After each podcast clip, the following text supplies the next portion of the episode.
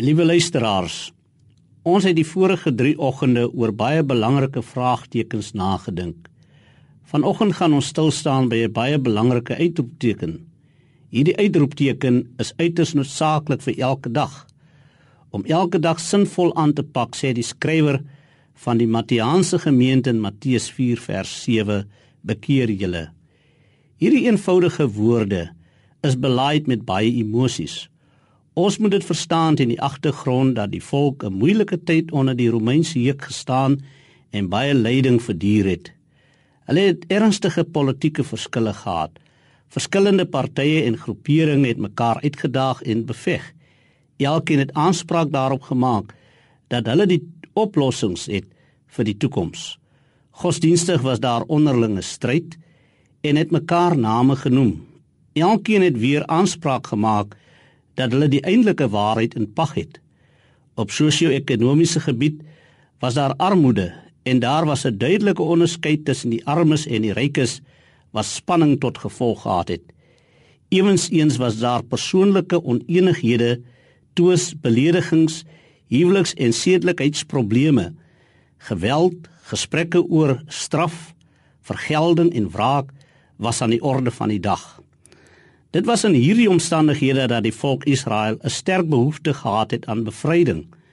Dis in hierdie tydsgewrig dat Christus op die toneel verskyn en hy spreek die wortel van die kwaad aan. Die kern van al die probleme, die lyding en stryd lê hy bloot. Hy sê die grootste probleem is jouself. Jou grootste vyand behalwe jouself is God. Nee, jy moet my goed verstaan. God is nie ons vyand nie, maar ons syne. Dus bekeer jou. Die koninkryk is naby. Leef koninkryksgerig. Bekeer jou van jou selfgesentreerdheid. Bekeer jou van jou sonde. Dis vandag die grootste behoefte van ons tyd. Dit geld vir almal, vir werkgewer en werknemer, vir student en opvoeder, vir teoloë en politici. Bekeer julle sien reeds hoe dat God aan die werk is deur sy gees en nuwe lewensgesindhede en lewenspatrone vestig. Hy skep 'n nuwe wêreldorde deur sy Heilige Gees.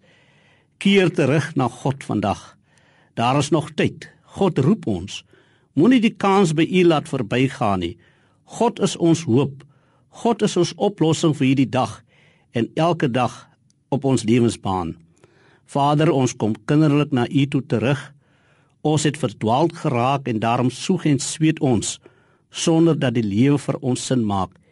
U is ons beste vriend, want op aarde is die vriende skaars. Amen.